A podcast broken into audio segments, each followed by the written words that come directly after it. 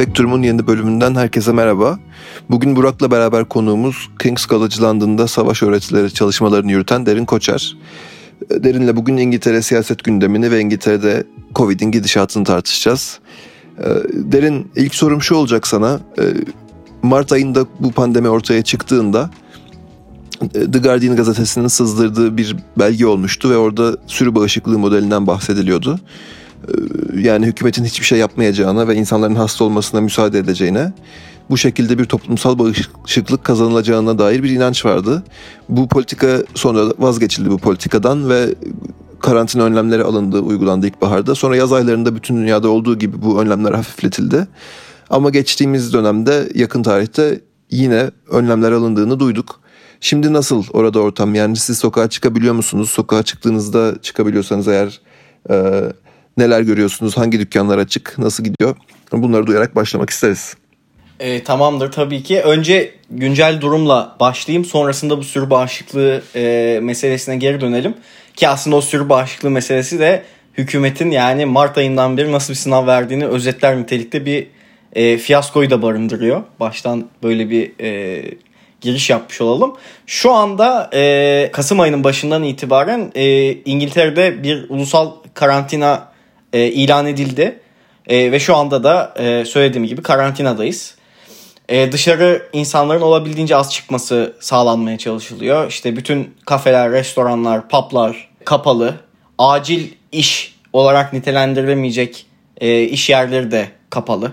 Yani bugün işte atıyorum benim yaşadığım mahallede ana caddeye çıktığımızda süpermarketleri açık görebiliyorsunuz. Veterinerleri açık görebiliyorsunuz. Onun dışında e, her yer ya kapalı ya da take away dediğimiz yani or sadece içeride yemek yani yemek sipariş verip alıp başka bir yerde yiyebileceğiniz şekilde e, servis yapıyorlar.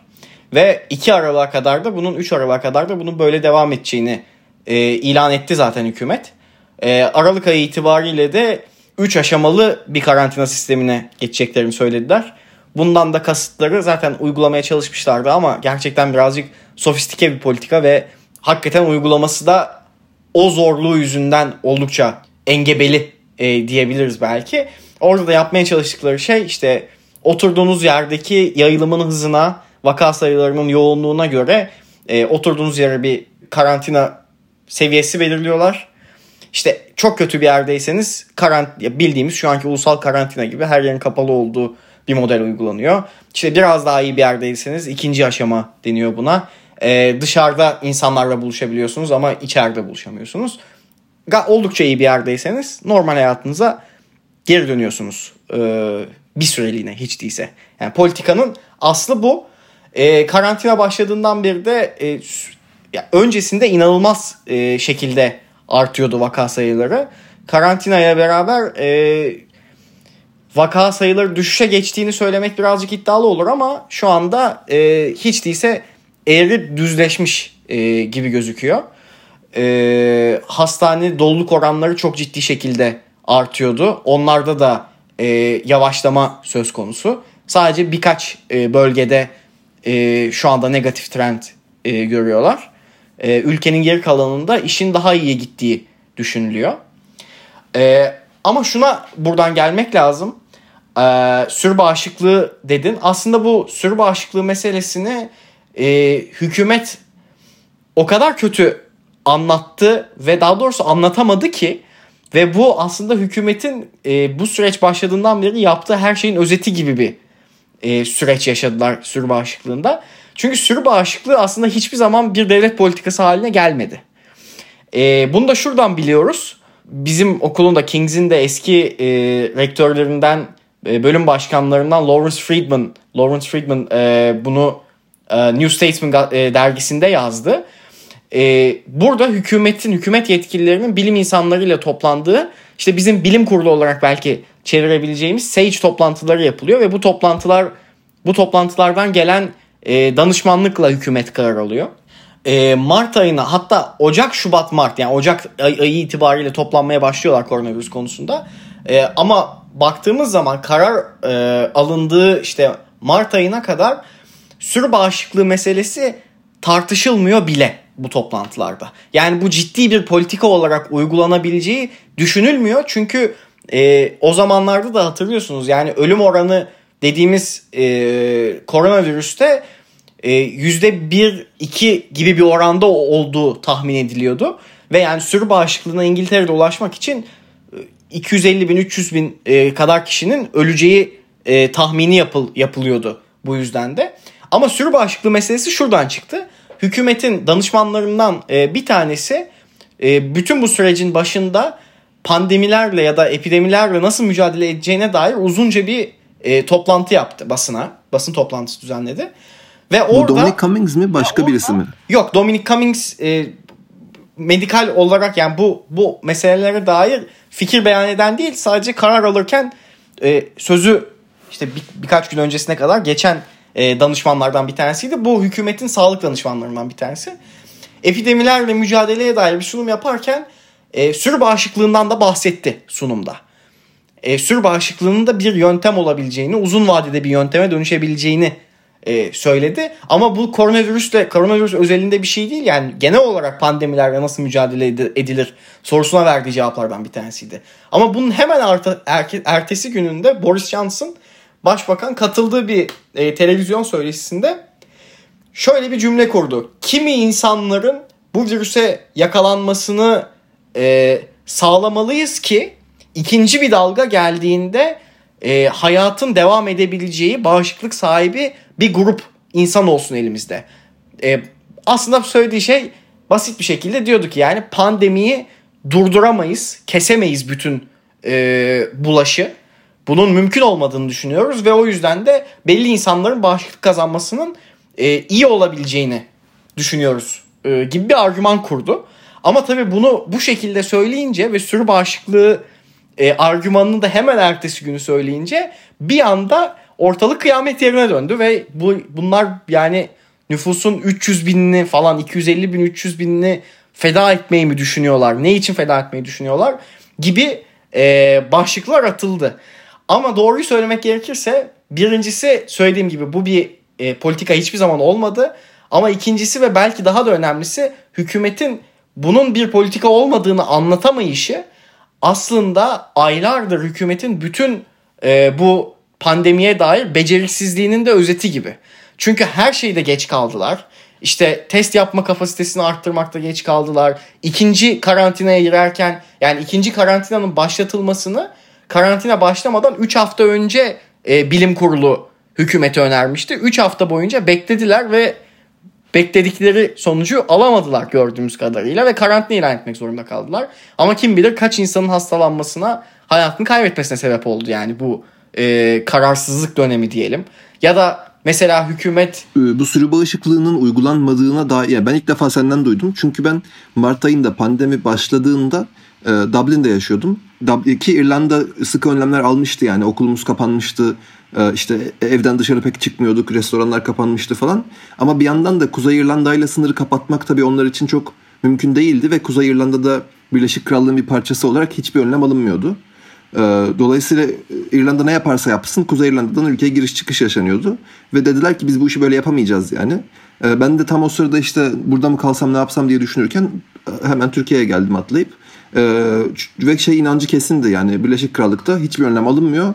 Oradaki insanlar hasta olacaklar ve devletin politikası bu. Yani bunu e, Dublin'deki herkes buna inanıyordu. Ben hatta İrlanda İngiltere'de olmamama rağmen yani oraya çok yakınım diye kaçtım yani. Ya aslında şöyle oldu. Bu sürü bağışıklı bir politika olmadı ama hükümet herhangi bir politika uygulamak konusunda e, epeyce ayak diretti. Yani o günleri hatırlıyoruz. Hatta belki birazcık bu maske meselesine e, benzetilebilir. Yani hatırlıyorsanız Mart ayında maske takalım mı takmayalım mı sorusuna kimsenin aslında net bir cevabı yoktu. Yani belki birazcık common sense diyebileceğimiz bir şey olabilir maske takmanın işe yarayabileceği. Ama işte birileri takın diyordu, birileri takmayın diyordu falan filan. O dönemde de İngiliz hükümeti e, şöyle bir mantıkla yani bir e, Sage dosyalarından yine görüyoruz bunu. Bilim kurulu dosyalarından görüyoruz. Bir anket yapıyorlar ve toplumun Mart ayının başında e, inanılmaz Dracula vari diyebileceğimiz önlemler alındığı takdirde bunlara gerek görmediğine dair e, ezici bir kanaat olduğunu görüyorlar. Mart ayının başında bu karantina ya İngiltere geçmeden 2-3 hafta kadar önce e, bir dönemde durumun ne kadar ciddi olduğu anlaşılmamış gibi gözüküyordu. İtalya'da aslında patlak ver, veriyor olmasına rağmen. Yani İtalya'da kötü başlangıç e, gözümüzün önündeydi aslında o dönemde de. Ama toplumun e, henüz böyle bir bilince sahip olmadığını gösteriyordu ve orada bilim insanlarının söylediği şöyle bir şey olmuş. Yani biz otoriter bir devlet gibi insanları evlerine zorla kapatamayız. İnsanlara evlerinde kalmalarını isteyebiliriz onlardan. Ama onların da buna uyması lazım. Siz bu bugün evinizde kalın derseniz bu insanlar uymayacaklar.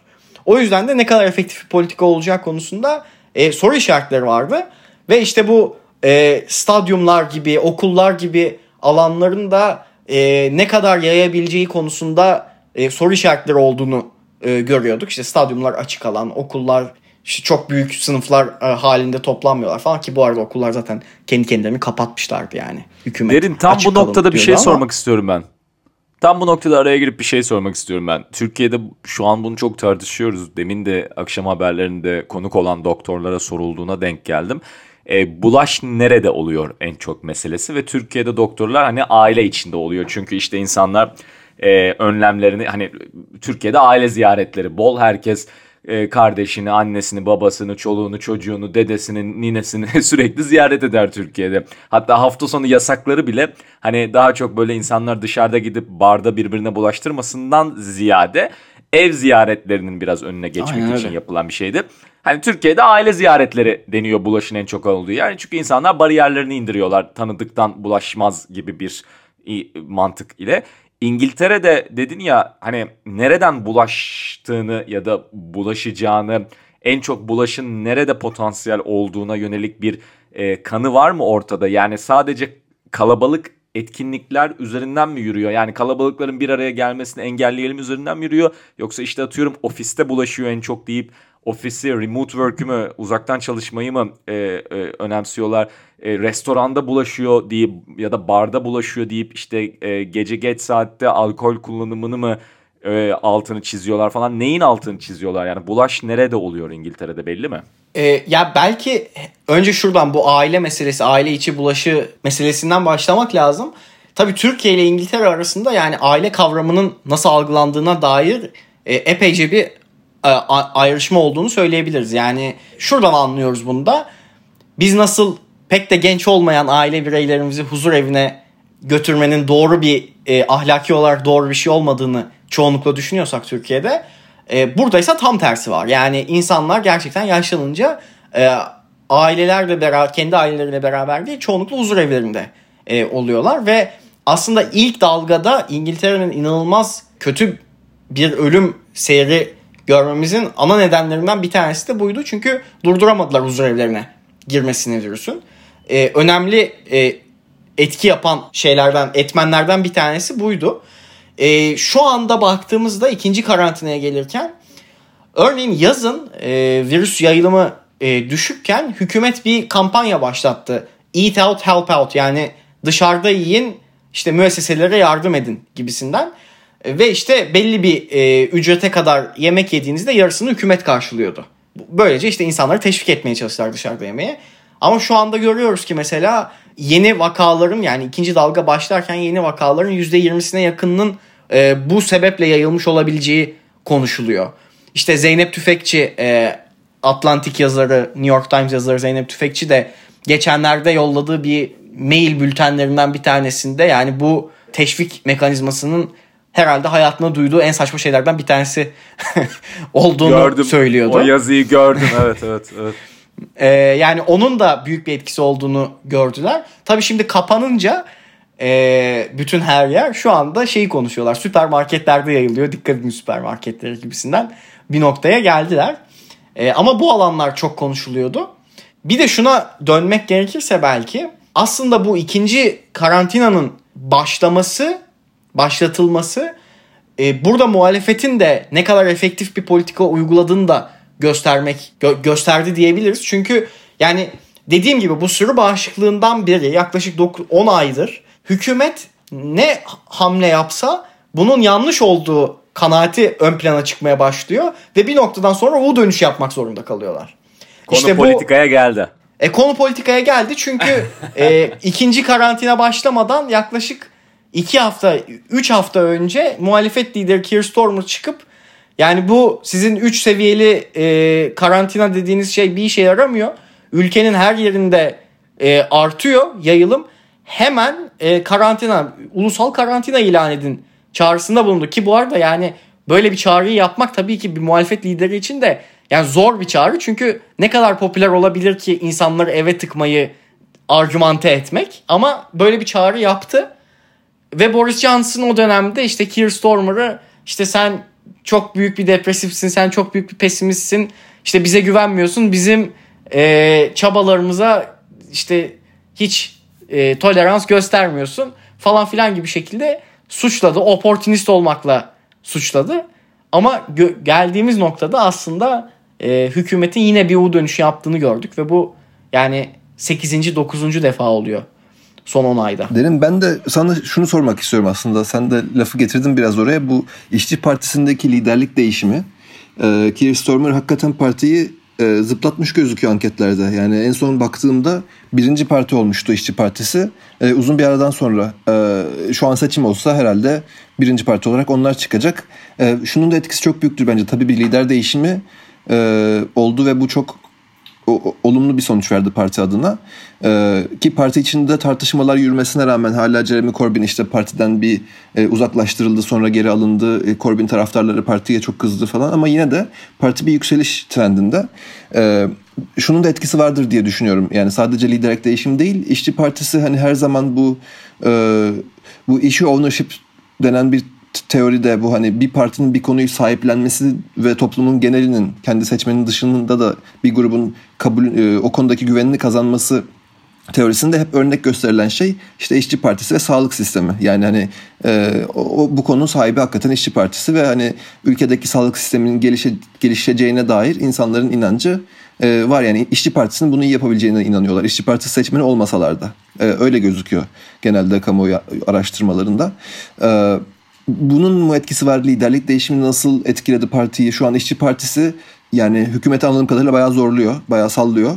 Ee, ne öngörüyorsun sen yani? E, ya tabii bu işçi partisinin ve aslında Keir Starmer'ın yükselişine baktığımızda çünkü işçi partisiyle muhafazakarlar %40-40 e, ortalama kafa kafaya gelmiş durumda gözüküyorlar. İşte bazen işçi partisi öne geçiyor bazen muhafazakarlar öne geçiyor. 40'a 38'di ee, son bu YouGov anketiydi galiba. Hafta sonu baktım geçen. E, evet evet yani bir, bir 40'a 38 bir öne geçiyor bir 40'a 38 diğer öne geçiyor.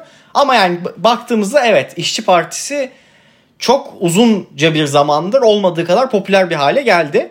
Ama burada e, liderin popülaritesine de bakmak lazım. Keir Starmer'ın Boris Johnson'a kıyasla yani bir büyük bir farkla daha popüler bir lider olduğunu e, görüyoruz. O yüzden liderliğin etkisi epeyce olmuş gibi gözüküyor. Ama tek e, etmen de bu değil. Belki yani liderlik bir, iki tane daha ana unsur belki öne sürebiliriz. Bunlardan ilki e, hükümetin gerçekten çok kötü bir sınav veriyor e, olması. Yani gerçekten artık e, Boris Johnson çok iyi bir, çok başa iyi belki yanlış olur ama çok başarılı bir kampanyacıydı. Ve e, kendini halka sevdirmeyi iyi bilen e, bir kampanyacıydı. Ama hükümete geldikten sonra siyasetçilerin kampanya yapma dönemleri bitiyor artık. Yönetme dönemleri başlıyor. Ve ne yazık ki yönetmekte yani eline attığı her alanda e, kötü sınav verdiğini gördük. Yani şu anda e, Avrupa'da en en fazla koronavirüse ölüm e, kaydetmiş ülke şu anda İngiltere. E, baktığımızda ekonomisi en fazla zarar e, görmüş ülke yine İngiltere. Eğitim sisteminde işte e, bir takım aksaklıklar yaşadılar vesaire vesaire. Yani şu an hakikaten kötü giden bir e, hükümet var. Ama kötü giden hükümetin karşısında demin de söylediğimiz gibi gerçekten yetkinliğini ortaya koyabilen bir muhalefet var. Burada aslında şöyle bir ayrım oldu. Üçüncü etmene geliyorum burada da muhalefetin e, geçirdiği değişim diyebiliriz bu üçüncüsüne de. E, hakikaten işçi Partisi'nin sahiplendiği konular ve sahipleniş biçimi Keir Starmer'la beraber değişti. Çünkü şöyle bir durum olmuştu. Jeremy Corbyn'le beraber bu arada e, şu, şöyle yorumlar yapılıyor. İşte Keir Starmer partiyi merkeze çekiyor. İşte bu Tony Blair dönemine çekiyor. Soldan uzaklaşıyor gibi yorumlar epeyce sık yapılıyor. Tabi bunu söylemek için henüz birazcık erken çünkü bir politika ortaya koymuyor Keir Starmer. Yani daha bir ortada bir seçim yok. bir manifesto ilan edilmişliği yok. Ama Corbyn'den farklı bir şekilde siyaset yaptığını kesinlikle söylememiz gerekiyor. Şöyle bir ana fark var. Son seçimlerde geçtiğimiz Aralık'ta olan, geçtiğimiz yıl e, Aralık'ta olan seçimlerde İşçi Partisi geleneksel olarak İşçi Partisi'ne oy veren işçi kentlerinin oyunu kaybetti. Kızıl Duvar deniyor burada ve o Kızıl Duvar tamamen maviye boyandı. Zaten e, Boris Johnson'a 81 koltukluk yani Thatcher'ın en son elde ettiği bir e, çoğunluğu e, o Kızıl Duvar'ın yıkılması getirdi. Şu anda Keir Starmer'ın yapmaya çalıştığı şey o Kızıl Duvar'ı tekrardan İşçi Partisi'nin kırmızısına boyamaya çalışıyor. Burada da gördüğümüz şey şu aslında. Kızıl Duvar dediğimiz kentler e, İşçi Partisi'ne işçi sınıfı bilinciyle oy veren ama baktığımızda ülkenin en muhafazakar, en gelenekçi e, tabanını oluşturan kentler bunlar.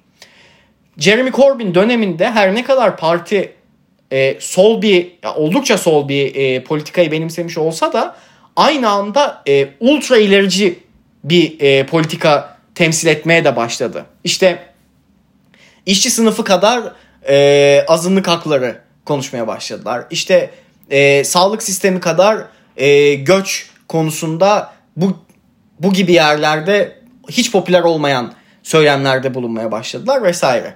Ve işte bu İngiliz işçi sınıfının değerlerinden koptuğu düşünüldü Corbyn'in bir noktadan sonra ve zaten yani son seçimde gördüğümüzde Brexit ve son seçimle beraber gördüğümüzde gerçekten İşçi Partisi'nin kendi e, geleneksel sınıfıyla bir kopuş yaşadığı kesinleşti.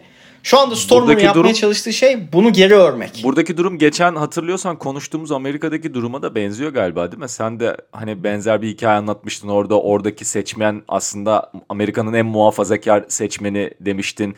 Ee, bir taraf kültürel onlara sesleniyor. Bir taraf işte çok ilerici sesleniyor. Kültürel seslenen taraf kazanıyor falan gibisinden bir konjonktürden bahsetmiştik.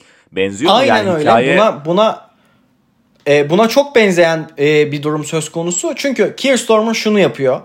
Kültürel olarak kimseyle kavga etmiyor. Yani Brexit meselesinde Keir Starmer e, ülkenin en Avrupa Birliği yanlısı yerini temsil eden e, bir milletvekili. Londra'nın en merkezi bölgelerinden bir tanesini temsil eden bir milletvekili. Ve e, Brexit bakanı iken, break, yani gölge Brexit bakanı iken de oldukça Avrupa Birliği'nde kalınmasının nasıl sağlanabileceğine dair fikirler üreten e, bir e, vekildi. Ama bugüne geldiğimizde artık şunu net bir şekilde ortaya koyuyor ki Brexit oyu ikinci bir referandum olmasa bile ve son seçim oyu toplumun Brexit'in gerçekleşmesini istediğini ortaya koyuyor. Bu fikirle barıştı ve artık Brexit'i ağzına bile almıyor. Yani Brexit'le ilgili bir haber olduğunda bile hükümete dönüp Brexit'i halledelim diye kampanya yapıyordunuz. E halledin işte. Biz sizin önünüzde dur, durmuyoruz diyor. Mesela e, parlamentoda e, bu transition, geçiş dönemi dediğimiz dönemin uzatılmasına dair bir önerge çıksın mı çıkmasın mı gibi tartışmalar oldu yazın. Stormer orada da dedi ki hayır ya halledecek, halledeceğiz dediniz buyurun halledin. Size daha fazla zaman vermiyoruz artık bitsin bu iş gibisinden bir noktaya çekti. Ee, bu Amerika'daki gibi işte Amerika'da da Biden ne kadar başarılı oldu, ne kadar başarısız oldu tabi tartışma götürebilecek bir şey ama Biden da olabildiğince daha geleneksel değerlerle, daha işte e, şans gibi, insanlara şans vermek gibi, ailevi değerler gibi, e, daha bu insanların e, kalbine dokunabilecek kelimelerle kendi argümanlarını kurmuştu. Şu anda Keir Starmer'ın da çok benzer e, bir strateji yürüttüğünü görüyoruz. Hatta Joe Biden'ın seçimi ilan edildikten sonra attığı tweetlerde de e, bu değerlerin ne kadar önemli olduğunu tekrardan dünyaya gösterdiği için e, Biden'a teşekkür etti. Yani gerçekten net bir çizgi izliyor şu anda ve bu e, çizginin, bu stratejinin, bu belki yeniden İşçi Partisi'ni tanımlama uğraşının da e, bir noktada sonuç verdiğini görüyoruz diyebiliriz. Şimdi söz Brexit'e gelmişken benim bu konuda da sormak istediğim bazı şeyler var. Ee, Brexit kampanyasının mimarı olarak bilinen bir başbakan danışmanı vardı. Az önce de adını geçirdik Dominic Cummings. Bu geçtiğimiz haftalarda görevi bıraktı ve bu adam aslında gizli başbakan olarak tanımlanıyordu. Ee, ama hani Türkiye'den İngiltere'yi takip eden bir okuyucu için hani tam olarak bu adam kimdir, ne iş yapar bunu anlamak da biraz güç. E, yani Dominic Cummings'in görevi bırakmış olması ne anlama geliyor? E, bunu sormak istiyorum çünkü bu zannediyorum e, kilit bir insandı e, ülkedeki siyasetin gidişatı konusunda. Hani nasıl bir etki yaratacak onun, onun görevden gitmesi? E, bunu bence herkes merak ediyordur İngiltere'ye ilgilenen. Tabii. E, Dominic Cummings oldukça e, önemli bir insan. E, Boris Johnson için özellikle. Senin de söylediğin gibi Brexit kampanyasının mimarlarından bir tanesi ama Brexit'te başlamadı aslında Cummings'in şanı e, diyebiliriz. Öncesinde e, Blair döneminde Blair e, Euro'ya Euro projesine İngiltere'nin katılmasını savunuyordu. Buna karşı buna hayır diyen bir kampanya daha olmuştu. Ve o dönemde o hayır kampanyasının da e, en etkili stratejistlerinden bir tanesi yine Dominic Cummings'di.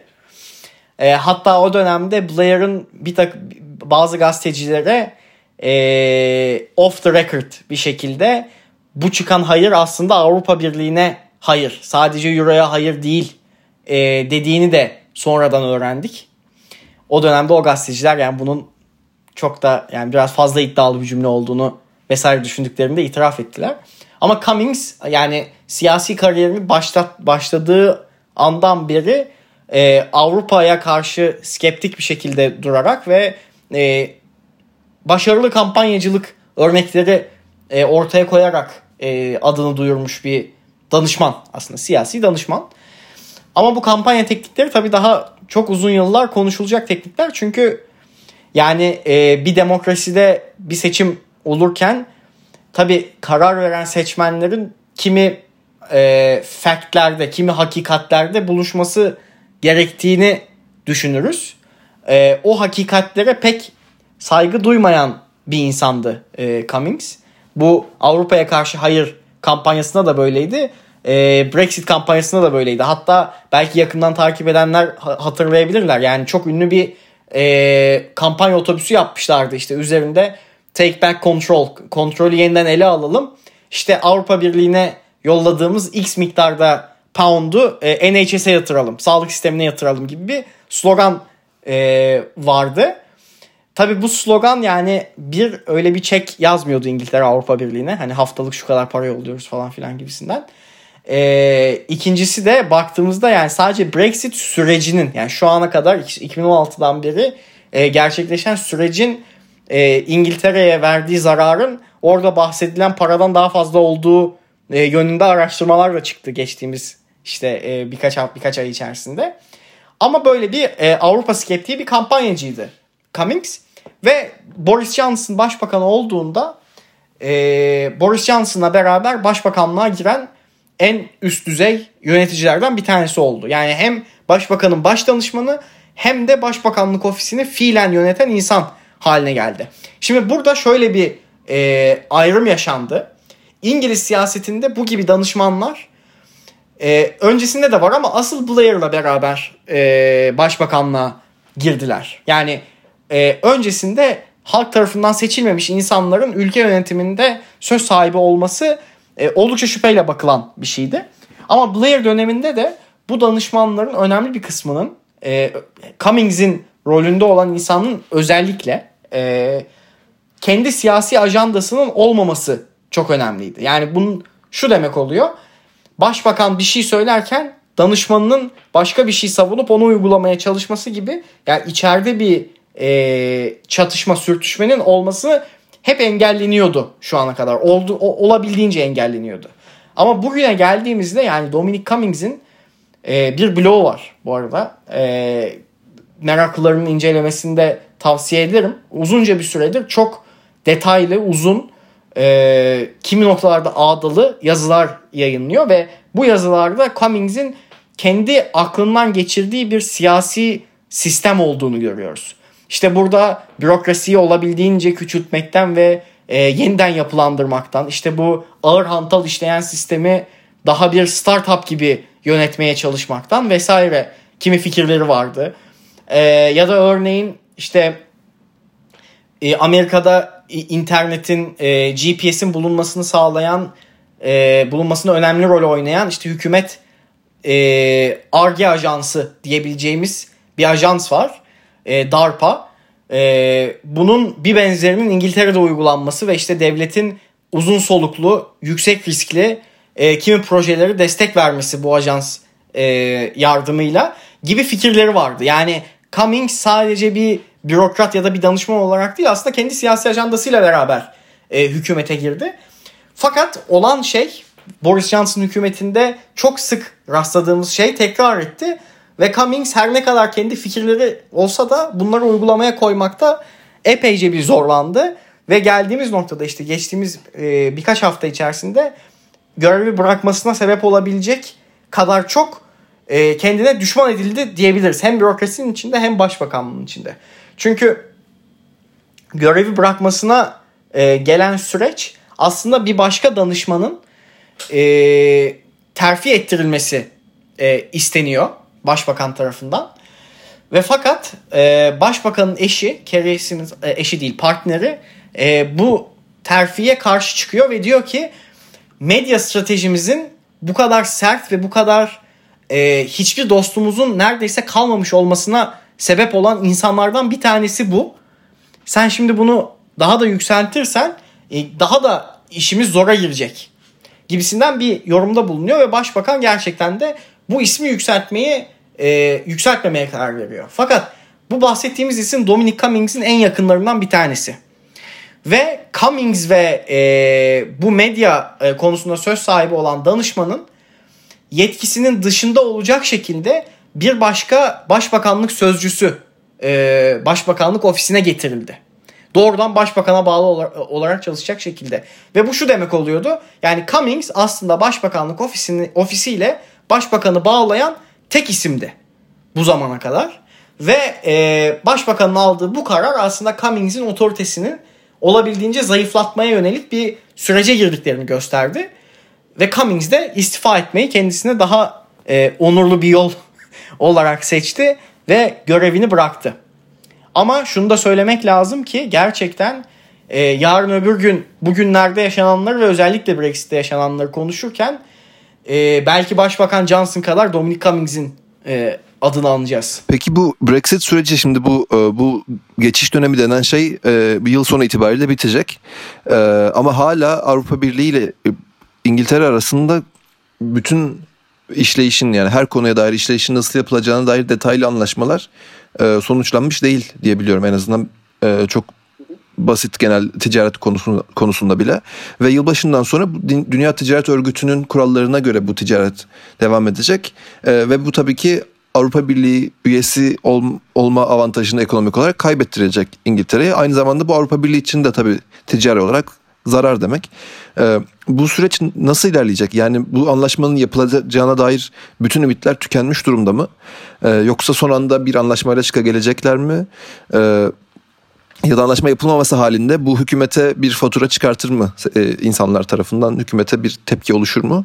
E, yoksa bu insanların hoşuna mı gider? Yani bakın biz zaten AB'den ayrılmak istiyorduk resti çektik ayrıldık. Hani bunun nasıl anlatılacağı da çok önemli tabii ki insanları ikna etmek konusunda ama e, nasıl şu anda hava yani? E, sondan başlayayım. İnsanların hoşuna gidebilecek bir durum değil e, anlaşmasız bir şekilde çıkmak. Çünkü aslında Brexit'in baştan beri söz verdiği şey bir anlaşmaydı.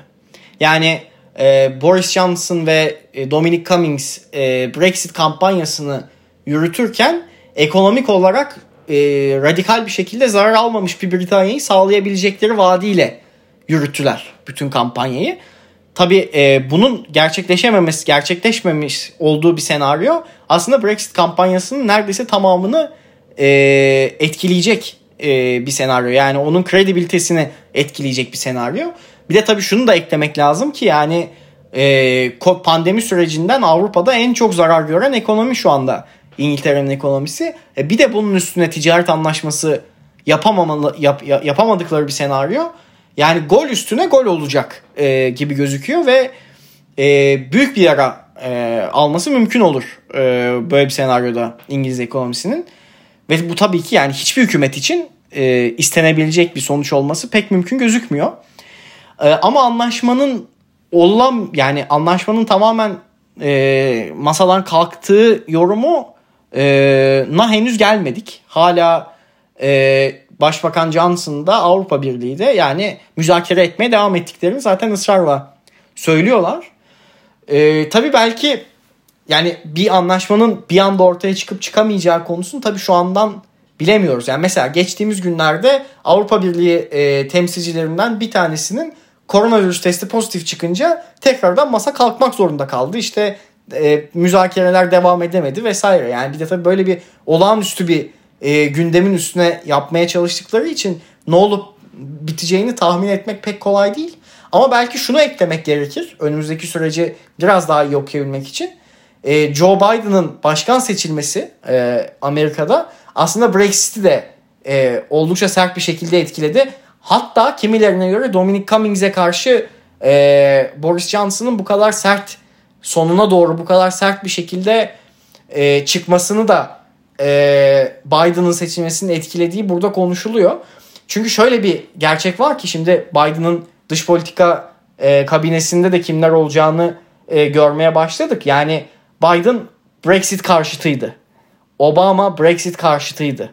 Ve şu anda Biden'ın en önemli önceliklerinden bir tanesi Trump'ın gerdiği Avrupa Birliği ile ilişkileri tekrardan güçlendirmek olacak. Yani bunu da biliyoruz. E tabi bunu yani Brexit överek ve sanki İngiltere böyle bir karar vermemiş gibi e, yaparak da sağlayabilirler mi sağlayamazlar mı sorusu apayrı bir mesele. Biden'la Johnson arasında kişisel husumet olduğunu da biliyoruz. Yani çünkü e, Boris Johnson'ın Obama Brexit karşısı, karşısı karşıtı olduğunu açıkladığında e, yarı Kenyalı olduğu için İngilizlere karşı pek sempati beslemiyor gibi laflar etmişti 2016 yılında. E yani bu da tabii kişisel olarak da geliyor vesaire. E, ve yani şimdi baktığımızda burada aslında önemli bir yasa tasarısı var e, İngiltere'de bu meselenin nereye seyredeceğini e, birazcık belirleyecek olduğunu düşündüğüm sen e, başlarda Dublin'de yaşadığını söyledin pandemi süreci başlarken. Bu özellikle İrlanda'yı ve İrlanda adasını etkileyen bir yasa tasarısı var şu an ellerinde. Ve uluslararası hukuku e, açıkça ihlal eden bir yasa tasarısı var. Çünkü senin de bildiğin gibi Kuzey İrlanda ile İrlanda arasında yani daha doğrusu İrlanda'da barışı sağlamak için yapılmış bir Good Friday anlaşması diye bir anlaşma var. Ve bu Kuzey İrlanda ile İrlanda arasındaki sınırın olmayan bir sınır haline neredeyse getirilmesine dair bir anlaşma. Ama şu anda Johnson hükümeti oraya e, fiili bir sınır e, fiili bir sınıra dönüşmesine sebep olabilecek bir yasa tasarısını e, sundu parlamentoya. Ve yani İrlanda kökenli ve İrlanda kökenlerini e, belli etmekten çekinmeyen bir Amerikan başkanı zaten e, henüz adayken Joe Biden yaptığı açıklamada yani bu tasarı varsa bizimle ticaret anlaşmasını da unutun demişti Boris Johnson'a.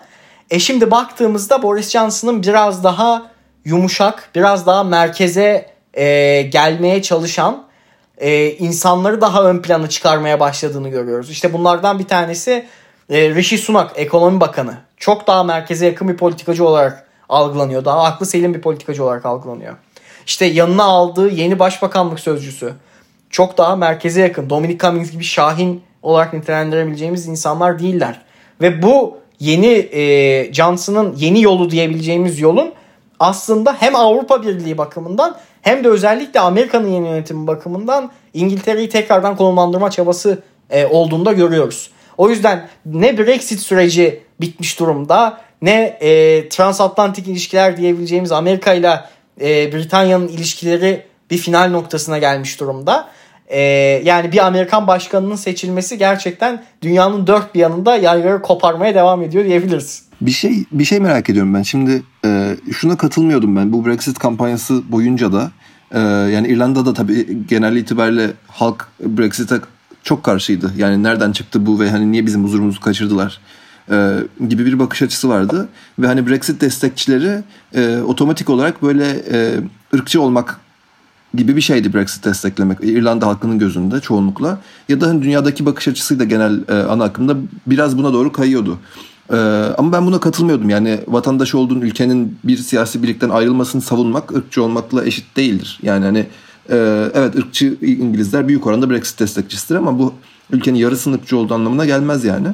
Ee, burada e, ama şeyler çok ana akımlaştı. Bunu da inkar edemiyorum. Yani hani Brexit süreci boyunca e, aşırı sağ İngiliz partiler çok e, öne çıkmaya başladılar. Brexit'i çok yüksek sesle desteklediler ve hani e, kaygıları da daha işte ekonomik ya da hani tekrar e, egemen devlet olalım falandan ziyade bu mesela göçü engelleyelim işte Orta Doğulular Afrikalılar buraya doluşmasın gibi argümanlarla Brexit savundular. Tabii sadece Orta Doğulular Afrikalılar değil Polonyalılar gelmesi. Tabii yani genel olarak yani... göç karşıtlığı üzerinden ya da başka e, aşırı sağ söylemlerle bunu bu kampanyayı inşa ettiler. E, ama şimdi Brexit süreci sona eriyor ve ortada ana akımlaşmış bir aşırı sağ grubu var. E, bu grup ne olacak? Yani e, bu hani UKIP büyüyecek mi yoksa bunlar hani muhafazakar partinin içerisinde yavaş yavaş yok mu olurlar? Ne olur bunu merak ediyorum. E, bir de hani biraz zamanımız kısaldı. İkinci soruyu da hemen arkasından sormak istiyorum. Hazır sözde geçmişken e, İrlanda'dan bahsetmişken. Yani bu İrlanda'yı çok zorlayan bir, anla, e, bir süreç. E, aynı zamanda İrlanda Cumhuriyeti'ndeki son seçimlerde Sinn Féin bu e, İrlanda milliyetçisi ve aynı zamanda solcu olan hani orada da biraz garip bir e, şey var e, siyasi çok farklı siyaset İrlanda'nın. O, o, o İrlanda'da çok güç kazandı Sinn Féin. Aynı zamanda Kuzey İrlanda'da da Sinn Féin'e olan destek artıyor ve hani yeniden İrland Kuzey İrlanda'nın İrlanda Cumhuriyeti olmasını isteyen insanlar yavaş yavaş seslerini yükseltiyorlar. Bu çok zor bir süreç olacaktır muhtemelen ama ileride ben bunun bir şekilde tekrar gündeme ciddi şekilde geleceğini düşünüyorum. Keza İskoçya'da da İskoç Ulusal Partisi çok güç kazandı. Hani son referandumda bağımsızlık reddedilmişti. Ama e, o zaman Brexit diye bir şey ortada yoktu. Şimdi hem Kuzey İrlanda hem İskoçya e, Brexit'e karşı oy verdiler. E, AB'de kalmak istiyorlardı ama İngiltere'nin çoğunluğu çıkmak istiyor diye çıkıyor, çıkmak durumundalar. Ee, ve onlar mutlular da AB'nin içerisinde yani. Dolayısıyla bu o, oralardaki bağımsızlıkçı hareketleri de hani güç kazandırdığı zaten aşikar şu anda. Ee, ama hani bu süreçler hızlanır ve e, bağımsız İskoçya ya da hani İrlanda Cumhuriyeti ile birleşmiş bir Kuzey İrlanda'yı 5-10 e, yıl ileride görür müyüz sence? Bu iki, iki soruyu tek seferde ee, sordum kusura bakma. Estağfurullah yine sondan başlayayım. E, ayrılıkçı hareketlerden başlayayım sonra bu aşırı sağa e, geri gelelim. Yani tabii 5-10 yıl içinde ne olur sorusuna yani ben değil herhalde ya bir müneccim ya bir müneccim lazım ya bir astrolog falan yok, yok. lazım. Yani hani böyle senin bir öngörün var mı ya da hani etrafta böyle hani e, ne bileyim okulda belki bir hocayla böyle bir şey konuşuluyor mu hani? Yani ya şöyle bir şöyle bir durum olduğu e, aşikar. Yani Boris Johnson hükümetinin verdiği sözlerden verdiği sözlerin bazıları sözde kalıyor. Bunlardan bir tanesi de ülkeyi tekrardan bir araya getireceğim e, sözüydü. Uniting the country. Yani bunu e, seçim kampanyasında da tekrar etti. Şu anda da tekrar ediyor. Ama e, lafı tekrar ediyor. Çünkü baktığımızda İskoçya'da geçtiğimiz e, haftalarda Ipsos Morgan'ın yaptığı bir anket vardı. Yani e, Birleşik Krallık'tan ayrılmak isteyen insanların tarihi bir rekor seviyeye çıktığını Ipsos Morgan kaydetti. Yani gerçekten bugün referandum yapılsa İskoçya çıkacakmış gibi gözüküyor. Aynı şey Kuzey İrlanda için de geçerli. E, ama şöyle bir e, siyasi e, hukuki belki diyebileceğimiz ne kadar yani siyasi ve hukuki bir e, durum var ki İskoçya kendi kendine diyemiyor. Ben yarın referandum yapıyorum diye. Bunun e, Birleşik Krallık Parlamentosu'nda İngiltere'de e, onaylanması gerekiyor. Bu son e, bağımsızlık referandumunda da zaten David Cameron başbakanken işte çok başarılı bir şekilde seçim kazandığı için bu referandumda rahatça kazanabileceğini düşünerek gitmişti Cameron referanduma. Ha girdiği zaten bütün referandumlara bu rahatlıkla gitti. Yani bir tanesini ağır şekilde kaybetti başbakanlıktan oldu. Yani e, İskoçya referandumunda da kıl, kıl payıyla kazandı. E, şimdi baktığımızda gerçekten ayrılıkçı seslerin yükseldiğini görüyoruz. Daha da yükseleceğini görebiliriz. Ama bu şuna da bağlı. Tabii e, önümüzdeki süreçte e, siyasetin buna nasıl tepki vereceğine de bağlı. Yani baktığımızda e, 4 yıl içinde yeniden seçim olduğunda ve atıyorum muhafazakarlar iktidar kaybederse ve işçi partisiyle belki de İskoçlar, İskoç Ulusal Partisi bir koalisyon haline girerse ya da bir şekilde destek açıklarsa bir referandum sözü olabilir mi? Olmaz mı? Referandum olursa o zaman sonucu ne olur? Çünkü e, baktığımızda Brexit sürecinin bittiği ve tekrardan ülkenin yeniden kendi içine yani kendi iç siyasetine doğru döneceği bir e, dönemde yaşayacağız. O yüzden bu dengeler değişebilirler tabii ki. Ama e, gerçekten de yani Brexit'in ülkeyi yani sadece bu aile içinde kardeşleri birbirine küstürmek değil, ülke içinde kardeş toplum olan toplumları da birbirine küstürmüş durumda. Yani İngilizler ve e, Galler e, çıkmak istedi. Ülkenin geri kalanı çıkmak istemedi. Londra çıkmak istemedi. Yani şimdi gerçekten ortak kader duygusunu yitirmiş bir e, ülkeyle karşı karşıya olduğumuzu söylemek gerçekten mümkün. O yüzden de ayrılıkçıların e, sesi gittikçe daha gür çıkıyor. Bu kesinlikle doğru. Ama tabii siyasetin nasıl tepki vereceğini göreceğiz e, önümüzdeki yıllarda. E, bu aşırı sağ e, aşırı sağın merkeze gelmesi e, gelmesiyle ilgili söylediklerimle ilgili ben de şunu da ekleyeyim. Ben kesinlikle sana katılıyorum. Yani Brexit bir ırkçı projeydi. Bu doğru bir argüman değil. Ya da bazıları Brexit'i yani şöyle ilginç de bir şey oldu tabii. Bir trendi yansıttığı e, söylenebilecek bir şey. Yani Brexit'te Trump aynı anda oldu neredeyse. Bu yüzden de yani sanki Brexit eşittir Trump gibi bir e, algı da oluştu. Yani burada Boris Johnson eşittir Trump gibi yani saç stilleri benziyor diye benzeten falan insanlar bile oldular yani baktığımızda. Ama bu kadar basit değil aslında burada e, olan iş. Çünkü e, birincisi şöyle bir önce benzerliklerden başlayalım. Şöyle bir benzerlik vardı gerçekten. Trump'ta olduğu gibi Brexit'te de sessiz çoğunluk diyebileceğimiz bir yığının e, sandığa gidip statüko karşıtı oy verdiğini gördük. Trump'ta da bunu gördük. Brexit'te de bunu gördük. E, özellikle küreselleşmenin yaraladığı bölgelerde bu e, konuştuğumuz işçi sınıfı bölgelerinde daha yani kültürel olarak muhafazakar ama oyunu işçi partisine veren bölgelerde Brexit'in onaylandığını gördük ve bu e, kitlelerin muhafazakarları da e, geleneksel olmayan bir şekilde oy verdiğini e, gördük.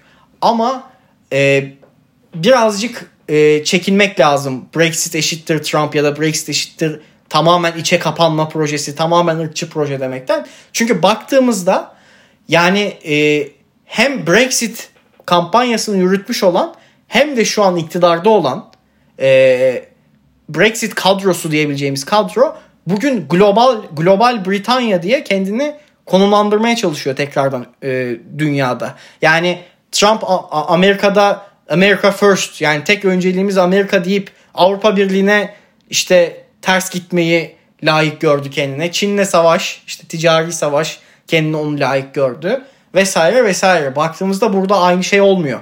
Boris Johnson hükümetiyle beraber. Yani Brexit böyle bir izolasyon e, noktasına getirmiyor Britanya'yı. E, aynı şey yaşanmıyor. Ve şunu da söylemek lazım ki bu aşırı sağ dediğimiz akım gerçekten Brexit'in en karanlık yönlerini e, temsil etti kampanya yürütülürken. Özellikle bu Nigel Farage işte eski UKIP lideri şimdi UKIP yumurtladı Brexit partisi oldu adı ve şimdi onun lideri oldu falan. Gerçekten de ırkçı bir kampanya yürüttü. Yani ırkçı dibine kadar ırkçılık yapmaktan geri durmadılar. Ama hiçbir zaman da aslında Brexit kampanyasının sesi onlar olmadılar. Buradaki aslında matematik de şuydu. Böyle ırkçı, iğrenç bir adam Brexit'i temsil ederse insanlar oy vermezler. Ve gerçekten de baktığımızda Nigel Farage'ın da Brexit Parti'nin de e, popülaritesi e, ne bir Trump popülaritesi ne bir Boris Johnson popülaritesi yani aynı noktaya denk gelmiyorlar ve e, Amerika'da olduğu gibi bu aşırı sağ akım siyasetin merkezine oturmuyor. O yüzden de e, ilerli gelecek aylarda diyelim yani Brexit meselesi bir çözüme kavuşursa yapacakları aslında bir, bir şey var. Bu bizim istediğimiz Brexit değildi yeterince sert çıkmadınız diyecekler büyük ihtimalle. E, bu ne kadar popüler bir pozisyon olacak? Büyük ihtimalle popüler bir pozisyon olmayacak ama işte kendi anlaşmasız bir ayrılık durumunda bunu bunu da diyemezler bence. Çünkü zaten An, daha sert nasıl çıkacaklar olursa yani. bunu da diyemeyecekler. Evet yani. Evet. Anlaşmasız bir ayrılık olursa bunu da diyemeyecekler. Ee, o zaman işte yani mesela bugün yaptıkları en büyük söylem işte e, lockdown'a, karantinaya karşı söylem üretiyorlar. İşte karantina ne kadar saçmaydı. Bakın işte Amerika'da Trump karantina yapmadı ne güzel 250 bin insan öldü falan gibisinden bir noktadan yaklaşıyorlar yani e, şu anda olup bitene. Ve e, Brexit çözüldükten sonra da bu insanların bu e, aşırı sağ siyasi akımın e, dünyanın başka yerlerinde olduğu gibi merkeze yerleşmemiş olduğunu göreceğiz. Benim kanaatim hiç değilse bu. E, bir de tabii şöyle de bir e, gerçek var ki şu anda siyasetin sağı da solu da yani merkez sağı da merkez solu da Brexit'e sebep olan eşitsizliklerin, bölgesel eşitsizliklerin, işte statükonun görmediği, yeterince yatırım yapmadığı yerlerin önemini kavramış durumda. Ve şu anda Boris Johnson yani her ne kadar kültürel olarak sağ bir siyaset izliyor olsa da kamu harcamalarını arttırıyor. Yani ekonomik olarak çok daha bonkör bir devlet inşasına doğru sapmış durumda. İşte bu bahsettiğimiz Kızıl Duvar, işçi kenti dediğimiz yerlere yatırımları gittikçe arttırıyor.